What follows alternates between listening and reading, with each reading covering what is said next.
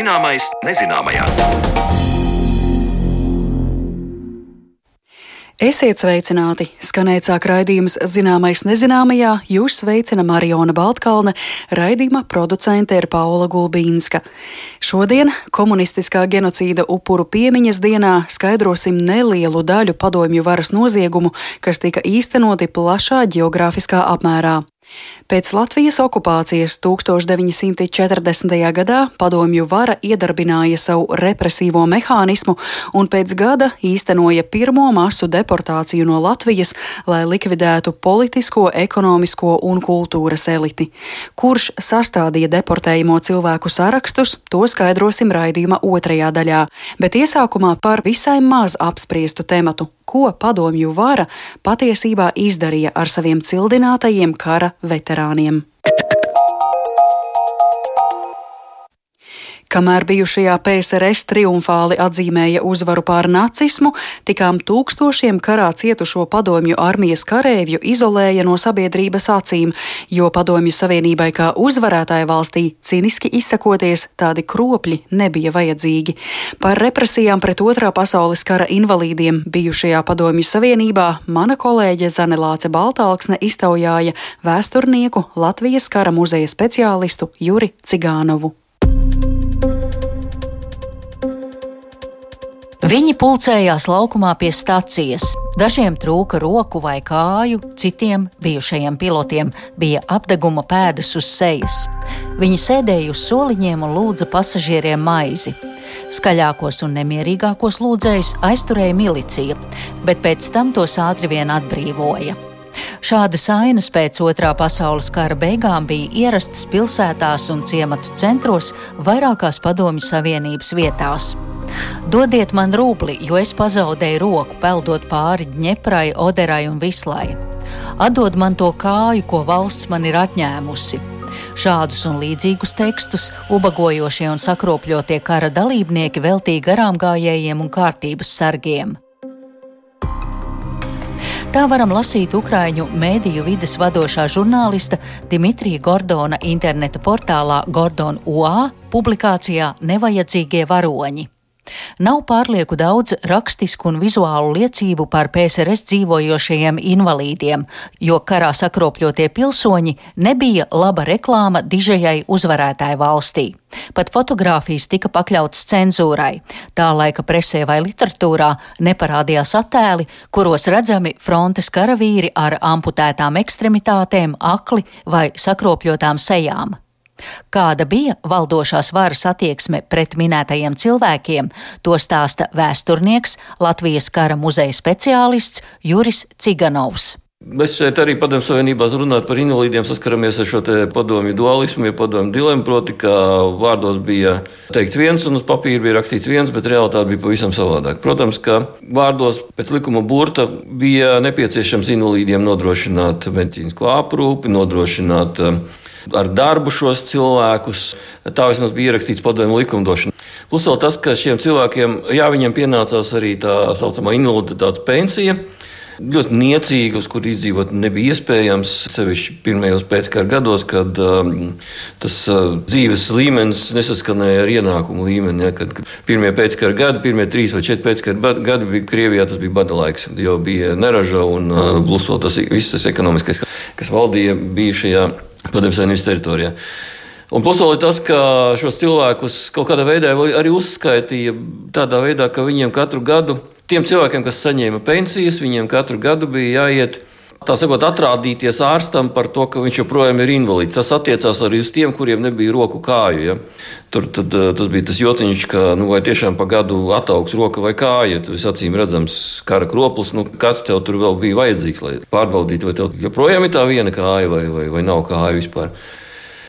Tā kā tā, un uh, šī operācija, operācija invalīds, jā, tas bieži vien izraisīja to, ka arī vietējās varas tos sevišķi kroplākos invalīdus, uz kuriem paskatoties, nebija tas estētiskākais skats, ja tā varētu teikt. Bet tas ir trivializēji šobrīd, protams, ka, to, ka viņus vienkārši aizvāca prom.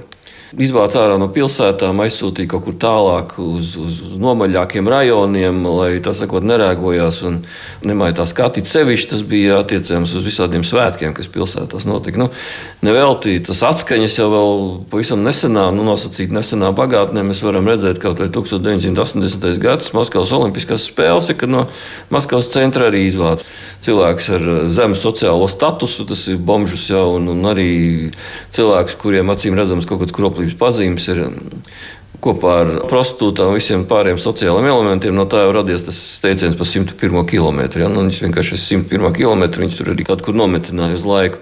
Bet pēckara gados lielajās pilsētās tā bija izplatīta parādība. Ir atmiņas par šo lietu, nav daudz, bet ir.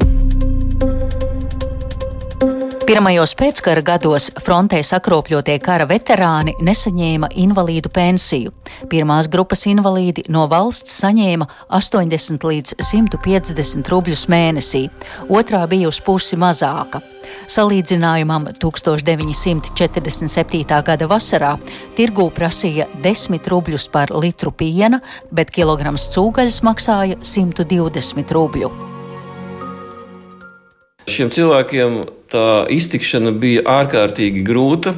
No valsts izdalītie līdzekļi, protams, nepietika. Darbu šie cilvēki atrast kā parasti nevarēja kaut vai tāpēc, ka neraugoties uz to, ka bija arī šajās noteikumos, oficiāli izdotajos noteikumos paredzēts, ka šiem cilvēkiem visiem ir jāatrod nodarbošanās pēc viņu spējām, bet tas netika darīts, tāpēc ka tā bija tā paudze, kura bieži vien arī neinvalīdam bija ļoti grūti kaut kur iekārtoties, jo, teiksim, 18-gadīgs puika 1941. gadā no skolas sola tiek iesaukts armijā, un viņš karo četrus gadus. Paldies Dievam, ka viņš ir palicis dzīves ja, šajos četros briesmīgajos kara gados. Viņš atgriežas no kara, tad viņam jau ir pāri par 20 gadiem. Viņš neko nemāca savā dzīvē. Viņš ir 4 gadus karojis, viņš no skolas soli ir aizgājis. Kur viņam likties? Ja? Un sevišķi tāds, kuram ir ierobežots iespējas kaut ko darīt, kuram ir viena roka vai, vai tur kāju nav, vai, vai, vai viņš ievainots tā, ka viņš tur knapi var paiet. Nu, visādi var gadīties, un kur tu tādu? ņems darbā. Un, un, un bieži vien šos invalīdus vienkārši ignorēja. Tad atlika variants ubagot, un tad, protams, ka alkohola problēmas, problēmas ar noziedzību. Tas viss vilkās līdzi šiem cilvēkiem kā tāds kara mantojums. Un bez šaubām, ka varai bija vieglāk kaut vai kontrols nolūkos savākt šos cilvēkus, vienkārši fiziski aplenkt kvartālu, savākt visus, salādēt mašīnā un aizvest uz kādu tukšu vietu, uz klosteri, baznīcu, nezinu, tur vietējo kaut kādu lielu mūžu klubu, kurā bez elementāriem vērtības apstākļiem vienkārši tur arī šie cilvēki dzīvo. Jā. Un tādā veidā padomju varam mēģināt tikt vaļā no šīs problēmas. Tas ir atrisināt viņu pavisam vienkārši pēc viņu metodas, izliekoties, ka tādas nav. 1951. gada jūlijā tika pieņemti divi PSRS ministru padomes un PSRS augstākās padomes prezidija dekrēti par cīņu pret ubagošanu un antisociāliem parazītiskiem elementiem. Pēc PSRS iekšlietu ministrijas oficiālās statistikas datiem 1951. gada otrajā pusē lielajās rūpniecības pilsētās par ubagošanu tika aizturēti pāri par 107 tūkstošiem cilvēku, no kuriem vairāk kā 70% bija kara un darba invalīdi. Visus aizturētos kara invalīdus ievietoja speciālos pansionātos, kas tika izveidoti katrā reģionālā centrā. Bieži vien šīs invalīdu nometnes ierīkoja nomaļās vietās pamestos klosteros. Sadzīve tur īpaši neatšķīrās no Sibīrijas nometnēs izsūtīto apstākļiem.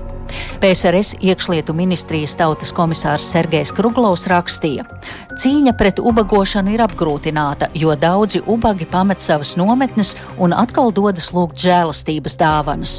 Lai to novērstu, daļu no esošajiem invalīdu un veco ļaužu namiem ir jāpārveido par slēgta tipa iestādēm ar speciālu režīmu. Citāta beigas. Un tie lielā tēvijas kara veterāni medaļām apkārušies, kurus atceramies no pompozajām uzvaras dienas parādēm pagājušā gadsimta otrajā pusē, šie cilvēki, un tā skaitā, cik nu dzīvi bija palikuši kara invalīdi, kā varoņi tika godināti sākot ar 1965. gadu, kad Padomju Savienībā vadības grožus pārņēma Leonīds Brežņevs. Kāpēc agrāk nesvinēja uzvaras dienu, to skaidro Juris Ciganovs.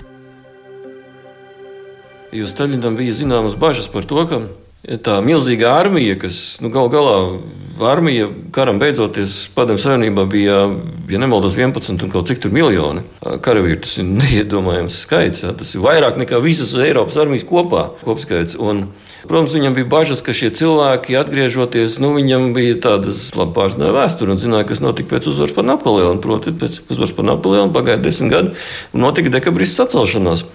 Tāpēc visus karavīrus, iespējams, tos redzamākos, viņš arī uzskatīja par tādiem potenciāliem neodekabristiem. Un tieši tāpēc arī netiks svinēts šī uzvara 9. maija, jo tad uh, viņa varētu pārmest, ka ne jau Staļins uzvarēja karā, bet uzvarēja karā tomēr uh, padomju armijā, kurā Staļins kā cilvēks bija ļoti maz viņam tā loma. Bija uzvarās tieši kaujas laukos. Nu, un, un iespējams, ka tādā veidā šie invalīdi tika aizvākti prom, lai neatgādinātu to visu. Līdz ar Brežņeva laikiem bijušie kara dalībnieki varēja baudīt lielākas privilēģijas nekā citi padomju pilsoņi. Parādījās iespējas iegādāties deficīta preces, ārstēties sanatorijās, tika palielināts pensijas, bet atmiņas par represijām dienas gaismu ieraudzīja tikai pēc PSRS sabrukšanas, un arī tās vēl līdz šodienai nav pārāk daudz. Tas, kas bija acīm redzams, ir tas, ka jā, šie veterānu nāmi, veterānu pansionāti, to, protams, bija daudz. Nu, noteikti atkarīgs no reģiona, kāda viņiem tur bija tie dzīves apstākļi. Bet uh, šos cilvēkus atcerējās vismaz tādā pašā 9. maijā, jā, ka viņiem tur iedeva kādu kārtējo administratīvo dāvanu, nezinu, medaļu, ordeni, godu rakstu vai tā tālāk, vai vismaz publiski pieminēja, ka tādi cilvēki ir. Šie cilvēki bija vajadzīgi šī mīta par uh, lielo uzvaru, lielā tevis karā radīšanai, protams. Jā. Bet atmiņas Ļoti maz ir tieši karavīru atmiņas, un tieši šāda veida karavīru atmiņas ir, ir ārkārtīgi maz. Tāpēc, ka rakstīt atmiņas Padomju Savienībā nebija nekas tāds drošs. Nedod Dievs, kad nonāks tās atmiņas kāda attiecīga instanču rokās, un tu tur ne to būsi vēl atcerējies par karu. Tāpēc nu, es vismaz uz vienas rokas pirkstiem varu saskaitīt tādas, nu, ja tā var teikt, neoficiālas atmiņas, kuras nav rakstījuši kādi ģenerāļi un maršali. Oficiālās atmiņās, ko rakstīs ģenerāļi un maršali, tas īsti netika pieminēts.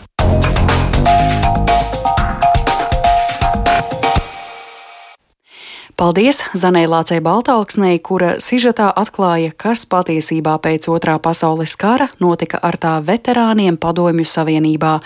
Bet par padomju režīma īstenotajām masu deportācijām Latvijā saruna pēc mirkļa.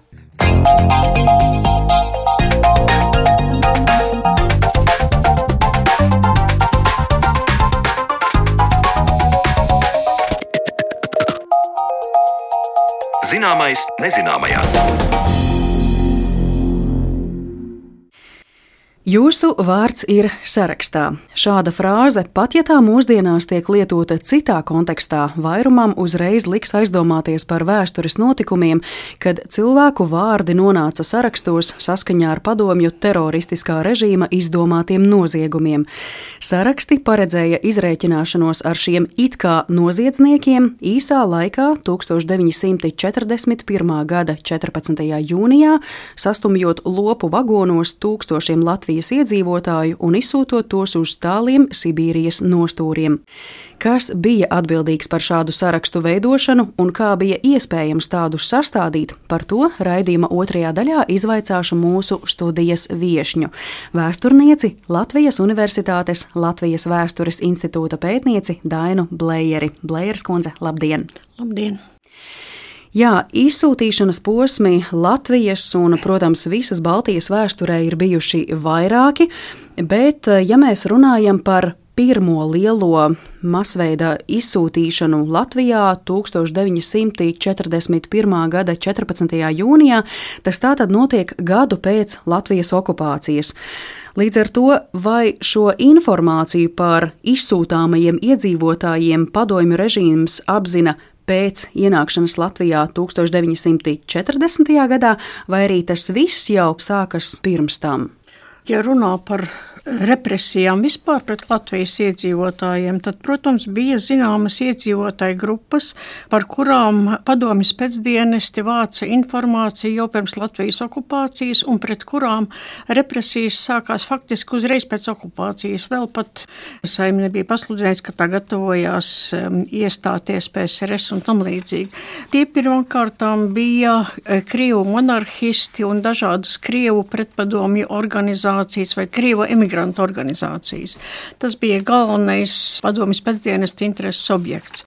Kas attiecās uz deportācijām, tad um, es domāju, ka uz tām vispār jāskatās drusku citā kontekstā, kuru mēs nereti piemirstam.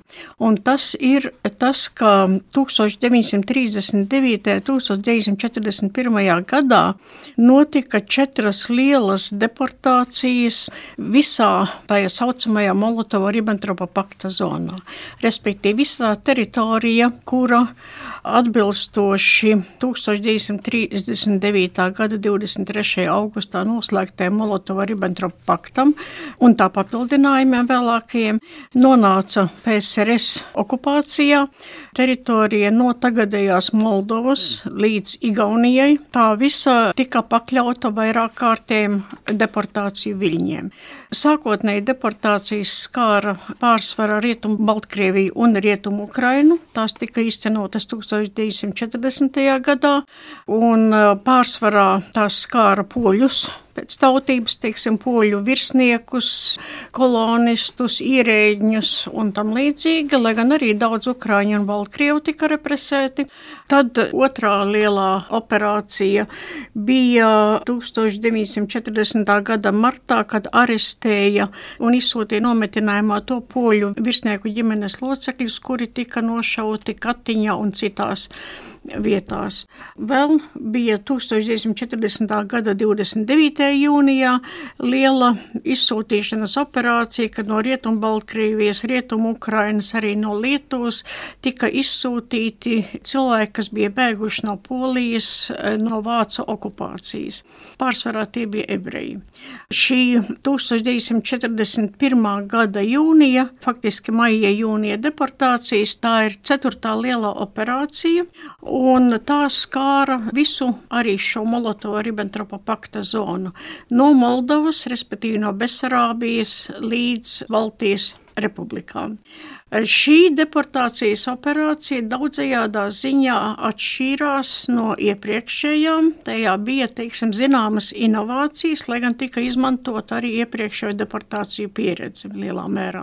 Viena inovācija bija tā, ka šī deportācija notika ļoti ātri. Katrai teritorijai bija atvēlēta viena diena. Respektīvi, Rietumu Ukrainā tā notika 1941. gada 22. maijā. Tā bija pirmā. Pēc tam naktī no 12. uz 13. jūniju tā notika Besarābijā, respektīvi Moldovā un Ziemeļbukavinā, kas tagad ir Ukrainas teritorijā. Latvijā, Lietuvā un Igaunijā tā notika naktī no 13. uz 14. jūniju. Un naktī no 19. uz 20. jūniju šī operācija notika Rietumbaltkrievijā. Kopumā šajā milzīgajā operācijā tika arestēti 106 tūkstoši cilvēku, no kuriem 87 tūkstoši tika izsūtīti uz nometinājumu un 19 tūkstoši tika arestēti. Vēl viena inovācija bija tā, ka šajā operācijā tika šķirtas ģimenes. Īpaši konsekventi tas tika darīts Baltijas republikās, tātad Latvijā, Lietuvā un Igaunijā. Respektīvi, visi deportējamie tika sadalīti divās kategorijās. Viena kategorija tātad bija, jeb A kategorija bija tie cilvēki, kuri tika uzskatīti par politiski bīstamiem, Tātad politiskie darbinieki. Inteliģence? Nu, ne visa inteliģence, bet tie inteliģenti, kas kaut kādā veidā tika uzskatīti par politiski neusticamiem. Arī garīdznieki, lielie uzņēmēji un tam līdzīgi. Bet pārsvarā šajā grupā tika iekļauti ģimenes galvas vīrieši. Lai gan šajā grupā tika iekļauts arī zināms skaits sieviešu no Latvijas, tās bija 149 sievietes, kas uzreiz tika arestētas un izsūtītas uz nometnēm. Un tad tas princips ir tāds, ka sievietes ar bērniem sasēdina vienos vagonos, vīriešus citos. Vīrieši līdz 70 gadiem, principā no 16 līdz 70 gadiem. Viņus iesēdināja vienās vagonos, un viņus bija paredzēts nosūtīt uz nometnēm, kurās bija paredzēts, ka viņus notiesās uz 5 līdz 8 gadiem nometnēs.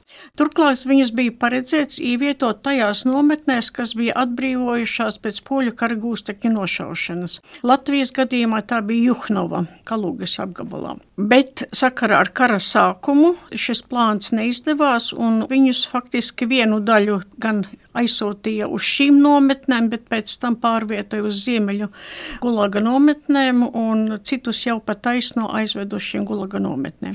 Pārējos ģimenes locekļus iesēdināja citos vagonos, un viņus izsūtīja uz Krasnojarskas apgabalu, uz Sibīriju nometinājumā. Un ir jau arī zināms stāsti, ka vīriešus dažkārt turpat pie vagoniem nošāva vēl pirms izsūtīšanas. Protams, tādi gadījumi varēja būt, ja pretojās vai tam līdzīgi. Īpašs stāsts, protams, ir par virsnieku apcietināšanu Litenē un citās nometnēs, kur bija arī izteikti pretošanās gadījumi, un daži virsnieki tika nošauti uz vietas. Nu, Litenē, starp citu, kopsumā tika arestēti kaut kur apmēram līdz 550 aktīvā dienesta virsnieki, plus diezgan liels skaits arī atvaļināto virsnieku. Pārsvarā 41. gada deportācijas skāra pirmkārtām pilsētu iedzīvotājus. Laukus mazāk, lauku iedzīvotāji vairāk cieta vidzemē kaut kādu iemeslu dēļ bet pārsvarā tas skāra vispār lielās pilsētas un vispār pilsētas. Protams, ir saprotams, ka gan politiskā, gan ekonomiskā, gan kultūras elite pārsvarā dzīvoja pilsētās, un līdz ar to arī visvairāk tika izsūtīti no pilsētām. Un kā ir vispār ar tādu kategoriju kā krimināla noziedznieki? Jā, neliels skaits patiesībā krimināla noziedznieku un prostitūtu, un tas ir ļoti interesanti, jo 1933. gadā Staļins bija paziņojis, ka krimināli noziedznieki un cilvēki ar deviantu uzvedību vispār arī ir tautas ienaidnieki. Un, respektīvi, visās nākošajās deportācijās pēc 1933. gada vienmēr zināms skaits krimināli noziedznieku un cilvēku ar kaut kāda veida deviantu uzvedību. Teiksim, arī tas, ko mēs šodien saucam par bombžiem, prostitūts un tam līdzīgi, vienmēr tika iekļauts parasti šajās deportācijās, lai gan 41. gada jūnija deportācijā ne no visām teritorijām teritorijām, bet Baltijas republikās jā. Es gribētu tad atgriezties vēlreiz pie šīs eh, sarakstu gatavošanas. Vai tas tā notiek, ka viss par to, kuri mums ir jāizsūta, ir skaidrs jau līdz 1940. gada 17. jūnijam, vai tas notiek pēc tam? Pastāv tāds mīts par tā saucamo Serova instrukciju, ka šie saraksti jau bijuši sagatavoti 1939. gadā, un jau pirms Latvijas okupācijas bija skaidrs, ko izsūtīs. Tā nav taisnība. Tur ir sajukums, jo principā runa ir par diviem pilnīgi dažādiem dokumentiem. Viens ir 1939. gada Berijas pavēle, ar kuru tika uzdots sakārtot pretpadomju elementu uzskaitu sistēmu visā PSRS, respektīvi veidot kartotēkas, jo sakarā ar lielo teroru, 37. un 38. gada milzīgajām represijām un arī vēlākajām represijām, Čeka vienkārši viņi bija tik ļoti aizņemti ar masveida represijām, ka uzskaita bija ļoti sliktā stāvoklī. Protams, šī uzskaita bija no jauna jāveido arī pēc 1940. gada jūnija okupētajās Baltijas republikās. Un spriežot pēc visa šī uzskaita līdz pat 41. gada pavasarim vēl joprojām bija ļoti nepilnīga. Otrs dokuments ir patiešām tas, ko varētu saukt par Serova instrukciju, bet šī instrukcija ir, teiksim, tāds varbūt zemāka līmeņa dokuments. Tā ir instrukcija operatīvo grupu vadītājiem par to, kā veikt šo cilvēku aizturēšanu, arestus un kā viņus nogādāt līdz stacijai. Jebkura deportācija principā sastāvēja no trīs eh, daļām. Pirmā daļa ir izvedamo apzināšana un sarakstu sastādīšana. Otrā daļa ir pati aizturēšana un cilvēku nogādāšana līdz stacijai, līdz vagoniem. Un trešā daļa tad ir aizgādāšana uz nometnēm vai nometinājuma vietām. Par pirmajām divām daļām atbildēja PSRS, bet republikā attiecīgi republiku valsts drošības tautas komisariāti. Tātad, respektīvi, Latvijā tas bija komisariāts, kuru vadīja bēdīgi slavenais Semjons Šustins piedaloties arī iekšlietu tautas komisariāta darbiniekiem, īpaši šajā aizturēšanas un arestu operācijās, operatīvo grupu sastāvā. Šo komisariātu tajā laikā vadīja Alfons Noviks. Trešā stadija, kad cilvēki tiek konvojēti ar vilcieniem uz apcietinājuma, uz gulaga nometnēm vai uz nometinājuma vietām, šajā stadijā galvenā loma bija PSRS iekšlietu tautas komisariāta iekšējiem karaspēkam, kas konvojēja, kā arī vispār um, iekšlietu tautas komisariāta darbiniekiem, kuri atbildēja par visu šo gulaga nometinājumu sistēmu. Tātad, ja runā par sarakstu sastādīšanu, tad tā notika ārkārtīgi lielā steigā, un tā sākās kaut kur 1941. gada aprīļa beigās, maija sākumā kas arī izskaidro tā, ka patiesībā saraksti bija sastādīti ļoti pavirši, un uh, valsts drošības tautas komisariāta darbinieki izmantoja visas pieejamās datubāzes. Pirmkārt, arhīvus. Arhīvi tajā laikā atradās iekšlietu tautas komisariāta pārziņā. Tātad arhīvu darbiniekiem bija jāiet cauri visiem arhīvu fondiem, uh, bet visi arhīvu fondi, kas attiecās uz Latvijas laika politiskajām partijām, valdību, politiskajām organizācijām, organizācijām, vietējo pašpārvaldi, sabiedriskajām organizācijām. Tam līdzīgi, protams, bija arhīvā, korporācijas un tam līdzīgi.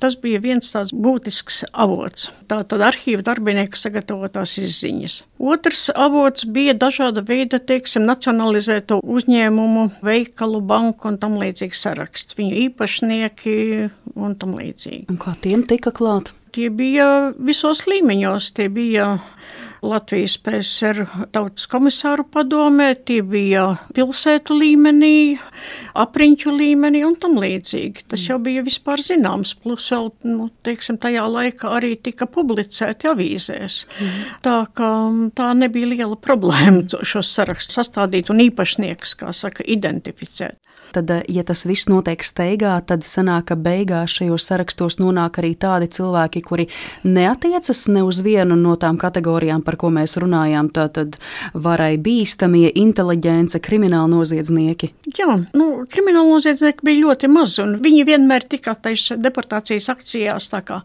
piekārti klāt, jo vajadzēja kādu daļu.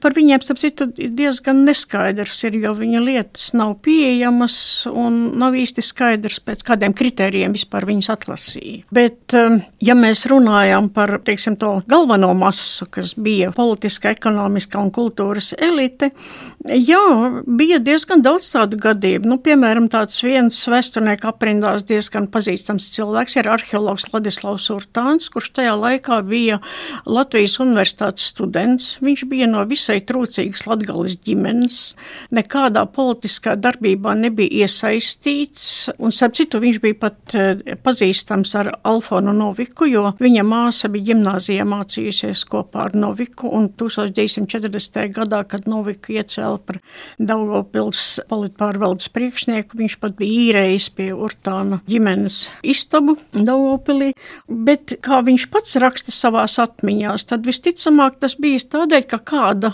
studiju biedrene viņu bija nostučījis, jo viņš it kā kaut ko ne to lekciju laikā bija zīmējis vai rakstījis savā kladē. Nu, tā tad acīm redzot kaut kur vai milicijā vai kaut kur citur vai drošības orgānos bija kaut kāds ziņojums par viņu, nu, un acīm redzot tas bija pamats, lai viņu iekļautu izsūtāmo sarakstā. Mm. Un tādu gadījumu, protams, bija diezgan daudz, bet nu nevienam tas neinteresēja. Nom nometnē, viņas aizveda un tur tiesāja, tā nosacīti tiesāja, tā nebija nekāda tiesa, vienkārši viņiem piesprieda sodu, sākot no nāves soda līdz pieciem gadiem ieslodzījumā.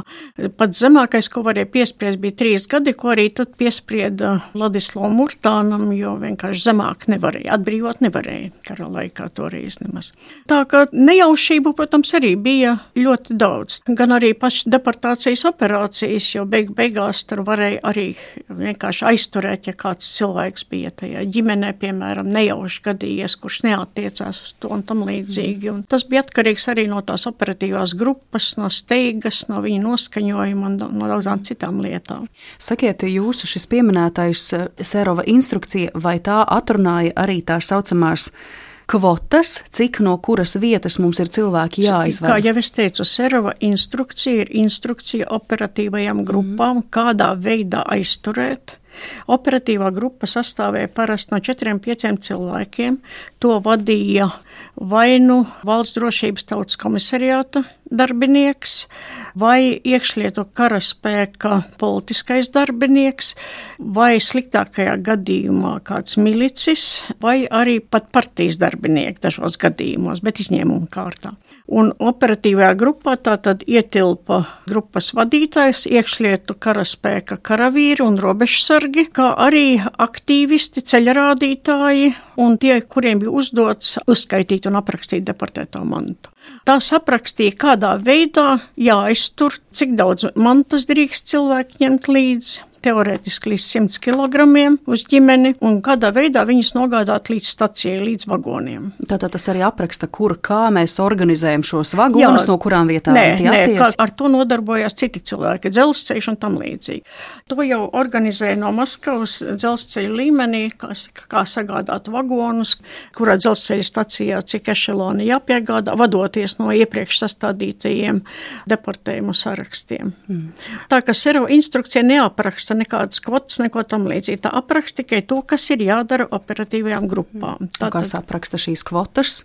Cik Kvotas no neviens neapraksta. Kvotas tika noteiktas, acīm redzot, tajos politbiroja un PSRS tautas e, komisāru padomas lēmumos par deportācijām. Ir zināms, teiksim, tas, cik cilvēku bija paredzēts izsūtīt sākotnēji, kad tika pieņemts šis lēmums. Tikai jāsaka ir tas, ka tas ir zināms no citiem dokumentiem, jo faktiski mūsu rīcībā nav dokumentu oriģinālu, šo augstāko līmeņa lēmumu oriģinālu. Ir tikai lēmuma projekts, ko Berija iesniedza Staļinam par deportācijām no Latvijas, Lietuvas un Igaunijas. Nu, spriežot pēc visas, šis projekts tika apstiprināts, bet tā kā nu, pētniekam nav izdevies atrast lēmumu oriģinālu. Pilnīgi iespējams, ka šāds lēmums kaut kur vēl glabājās, bet nu, katrā ziņā no šī projekta mums ir zināms, ka sākotnēji bija paredzēts izsūtīt no Lietuvas gandrīz 10 tūkstoši iedzīvotāju, no Latvijas 15 tūkstošus un no Igaunijas apmēram 14,5 tūkstoši iedzīvotāju. Interesanti ir tas, ka Lietuvas un Igaunijas gadījumā tur ir norādīti ļoti precīzi cipari - 9924 cilvēki. Ja? Igaunijas gadījumā 14,471 cilvēks, Latvijas gadījumā ir apaļš cipars 15,000, kas liek domāt, ka uz to brīdi faktiski šie saraksti vēl nebija paspēti sastādīt. Tātad šis lēmums visticamāk ir pieņemts kaut kur ļoti neilgi pirms deportācijas. Un šis projekts liecina par to, ka acīm redzot, Latvijā vēl sarakstu sastādīšana nebija pabeigta. Viņi vēl nezināja, cik ir iekļauts. Jāsaka, gan, kad faktiski Lietuvā deportēja 18,5 tūkstoši tūkstoši cilvēku, Igaunijā apmēram 11 tūkstoši un Latvijā tātad 15,4 tūkstoši. Tā kā nu, Lietuvas gadījumā šīs atšķirības starp sākotnēji apzināto skaitu un to, kas reāli tika deportēts, daudz lielāks. Kas to ietekmē, grūti pateikt. Lai gan vispār jāsaka par deportācijām no Lietuvas ir daudz vairāk materiālu pieejamu pētniekiem par deportāciju sagatavošanu no Lietuvas nekā no par deportāciju sagatavošanu no Latvijas un Igaunijas. Tad, uh, savalkot kopā to deportāciju organizēšanas procesu, es saprotu, ka aiz tā stāvēja gan individuālas personas, jūs minējāt Šustinu un Noviku, tās bija arī tātad, institūcijas, LPSR iekšlietu tautas komisariāts, LPSR valsts drošības tautas komisariāts, vēl droši vien varētu minēt Baltijas uh, sevišķā kara apgabala štābā trešo daļu, un iespējams arī tā nu, nav vienīgā. Trešā daļa gatavoja materiālus par tiem, kuri tika arestēti 24. teritoriālajā Latviešu strelnieku korpusā. Aizmirs vēl pieminēt ļoti būtisku lietu, tas ir jautājums par to, cik liela bija kompartijas iesaist šajā procesā. Par to mums arī nav pilnīgas skaidrības. Teorētiski visam šim procesam bija jānotiek Latvijas kompartijas centrālās komitejas vadībā. Cik lielā mērā tā patiešām bija iesaistīta, ir mums tikai tādas fragmentāras ziņas. Un šī iesaiste, protams, vairāk attiecās uz to, ka bija izveidots operatīvais štābs Latvijā, kura sastāvā acīm redzot bija kompartijas pārstāvji, un kompartijas atbildība acīm redzot pirmkārt attiecās uz sarkano gvardu aktīvistu apzināšanu, sameklēšanu, nosūtīšanu valsts drošības tautas komisariāta rīcībā tieši pašas deportācijas operācijas veikšanai un pēc tam mantu savākšanai un aprakstīšanai. Ir zināms, ka dažos apriņķos bija nosūtīti speciāli centrālās komitejas pilnvarotie. Pilnīgi iespējams, ka tādu bija vairāk, vienkārši nav saglabājušies dokumenti. Un um, vēl viena problēma ir tā, ka partijas darbinieki visai izvairīgi bija teiksim, savās atmiņās un tam līdzīgi, kad runa bija par 41. gada 14. jūnija deportāciju. Lielākoties parasti tiek rakstīts, ka viņi neko nezināja. Piemēram, Edvards Berklaus, kurš tajā laikā bija Rīgas pilsētas proletārieša rajona partijas komitejas pirmais sekretārs, viņš te raksta atmiņās, jā, ka viņiem tur saveda kaut kādas mantas, konfiscētās partijas, bet ka viņiem neviens neko neteica un tam līdzīgi. Lāgā negribās tam ticēt. Es domāju, ka katrā ziņā tādā rajonu un apriņķu komiteja līmenī partijas darbinieki bija pietiekami labi informēti. Varbūt viņus informēja pēdējā brīdī, tas arī pilnīgi iespējams, jo centās saglabāt slepenības režīmu. Katrā ziņā viņi nebija tie, kas apstiprināja sarakstus. Vai vismaz mēs nezinām, ja tas notika, ja, piemēram, Kalnbērziņš vai Lācis, ja viņi parakstīja kaut kāds saraksts, mēs par to neko nezinām. Bet uh, tie saraksti, kas ir pieejami un deportējuma lietas, tās ir parakstījuši Šustins un viņa vietnieki, Brezgins un Cinis. Un, ko skaidro pateikt, ka galvenā atbildība un galvenie darītāji bija valsts drošības tautas komisariāta darbinieki. Un tālāk jau, teiksim, bija iesaistītas arī dažādas citas organizācijas. Mm. Ja mēs runājam par tādu etnisko piedarību, cik lielā mērā tie cilvēki, kuri ir ar izsūtīšanām saistīti, ir no Krievijas nākušie un cik daudz latvieši? Nu, no Krievijas tika iesūtīti cilvēki ar dažādu etnisko piedarību. Tie bija gan latvieši, gan krievi, gan ebreji, gan ukraiņi un tam līdzīgi. Tas īpaši izpaudās valsts drošības tautas komisariāta darbinieku sastāvā. Tajā pašā laikā tika rekrutēti cilvēki no vietējiem iedzīvotājiem, no kreisējiem aktīvistiem, no milicijas un tam līdzīgi. Par viņu etnisko sastāvu ir diezgan grūti spriest. Nav arī pilnīgu ziņu. Ir arī dažāda veida statistika, taču šeit ir arī tā problēma, ka, piemēram, ļoti daudz, teiksim, latvieši. Tātad latvieši tas nenozīmē, ka viņi bija vietējie latvieši. Viņi varēja būt latvieši no padomju savienības atsūtītie. Un tādu bija nemazums visos pārvaldes līmeņos. Tas pats attiecās uz visu citu tautību pārstāvjiem. Kas mums ir skaidrs, tad mums ir zināms par deportēto nacionālo sastāvu. Tur nu, gandrīz simtprocentīgi droši varam pateikt, kāda ir teiksim, deportēto statistika gan pēc dzimuma, gan pēc vecuma, gan pēc eh, tautībām. Un, teiksim, 85% deportēto bija latvieši, otra lielākā grupa bija ebreji, 11%. Kāpēc? Tāpēc, ka ebreju vidū bija daudz uzņēmēju, tirgotāju tam līdzīgi. Plus vēl ebrejiem bija interesanti tas, ka ebreji bija sabiedriski un politiski ļoti aktīvi. Viņiem bija ļoti daudz dažādas politiskās partijas, sabiedriskās un politiskās organizācijas. Viņi bija politiski un sabiedriski ļoti labi organizēti, piemēram, atšķirībā no Latvijas krieviem. Un tādēļ arī viņi kļuva par tik teiksim, svarīgiem deportāciju upuriem. Un trešā lielākā grupa bija Latvijas krievi bet šeit jau tie procenti bija mazāki. Vēl deportāciju saistībā es pieļauju, ka ir radušies arī kādi pieņēmumi, varbūt pat mīti, un varbūt mēs to mītu varam izgaismot un izskaidrot arī, kā tas ir radies. Proti, ka Cilvēki runā, ka Latvijas sabiedrība padomju okupācijas brīdī un pēc okupācijas bija pilna ar stukačiem, kuri tad pie pirmās iespējas bija gatavi doties uz bēdīgi slaveno stūra māju, lai nosūdzētu kādu savu kaimiņu, kuru tad varbūt arī pēc tam izsūtītu. Kā šāds stāsts ir radies, vai tiešām šādu stukačotāju bija pār pārēm? Čekai taču tad arī rastos aizdomas, kāpēc tev ir svarīgi nākt un par kādu stukačot.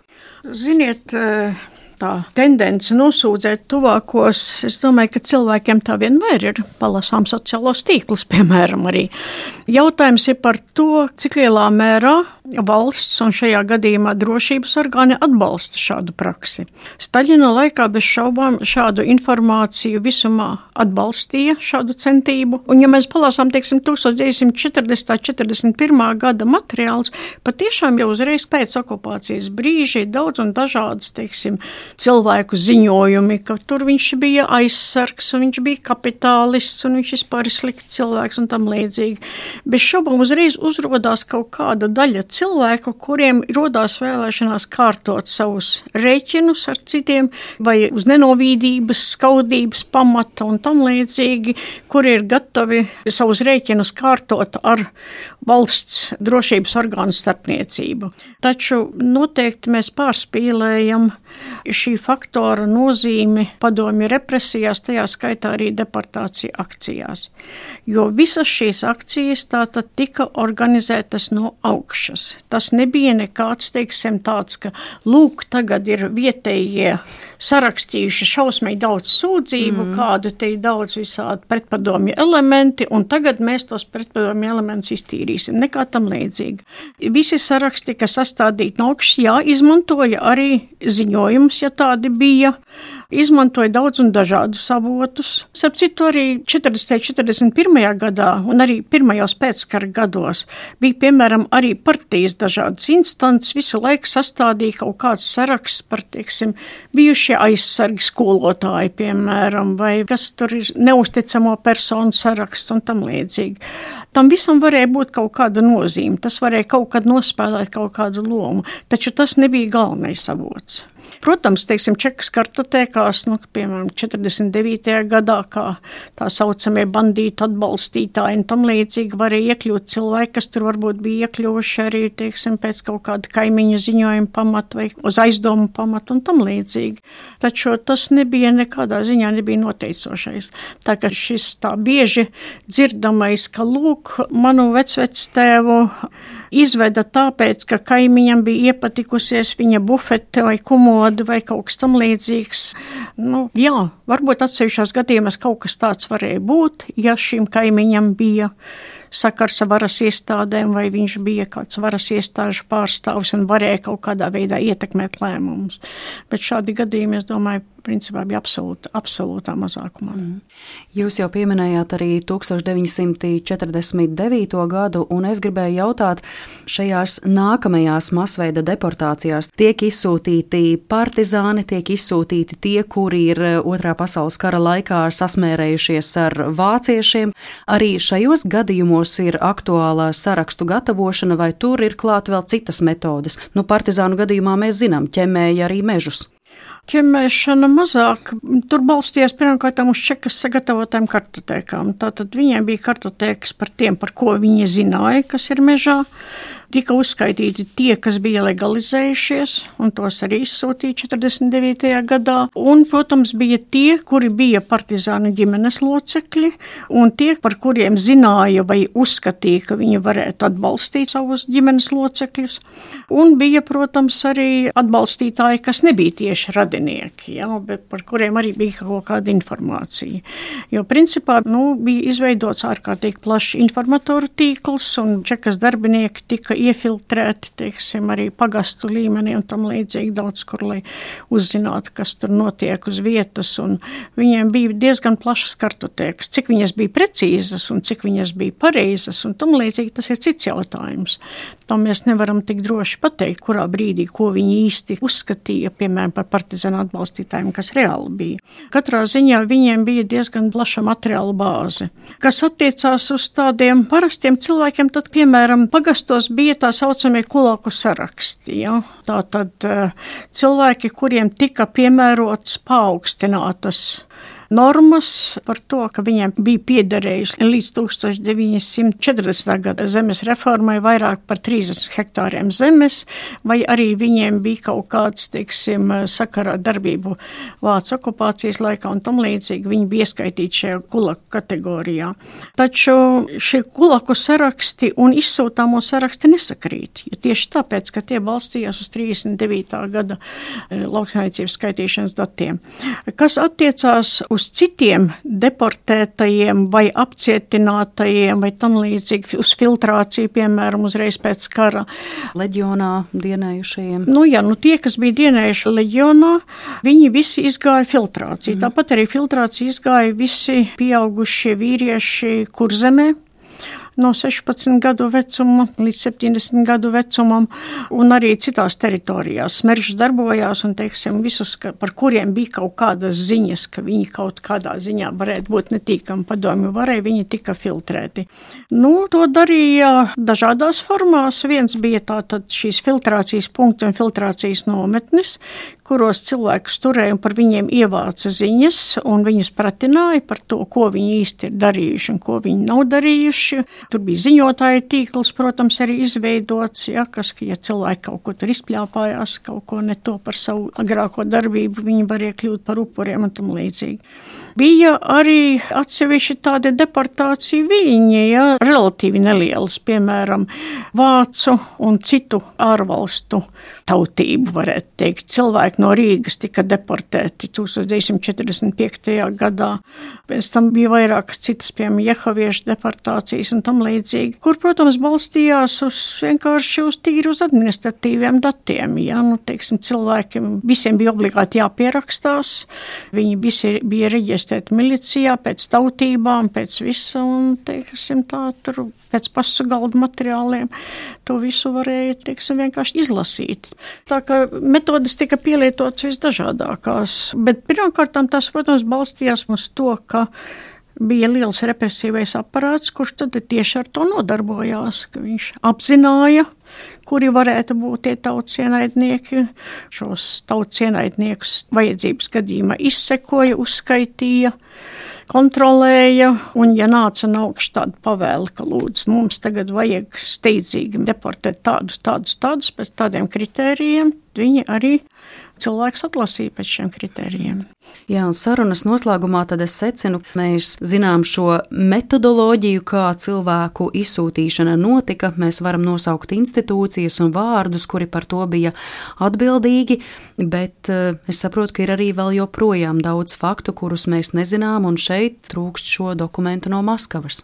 Jā, nu, kamēr mums nebūs pieejami Maskavas FSB, tātad Krievijas Federāla drošības dienesta arhīvu materiāli, brīvi pieejami pētniekiem. Ja, jo, protams, Federālais drošības dienests ir publicējis dažādas krājumus, ir kaut kādi īpaši 90. gadu pirmajā pusē arī bija, teiksim, tā labprātāk sniedza pieeju, bet tajā pat laikā nekad nav bijis tā, kāds varētu brīvi strādāt arhīvos, skatīties visus dokumentus pēc kārtas.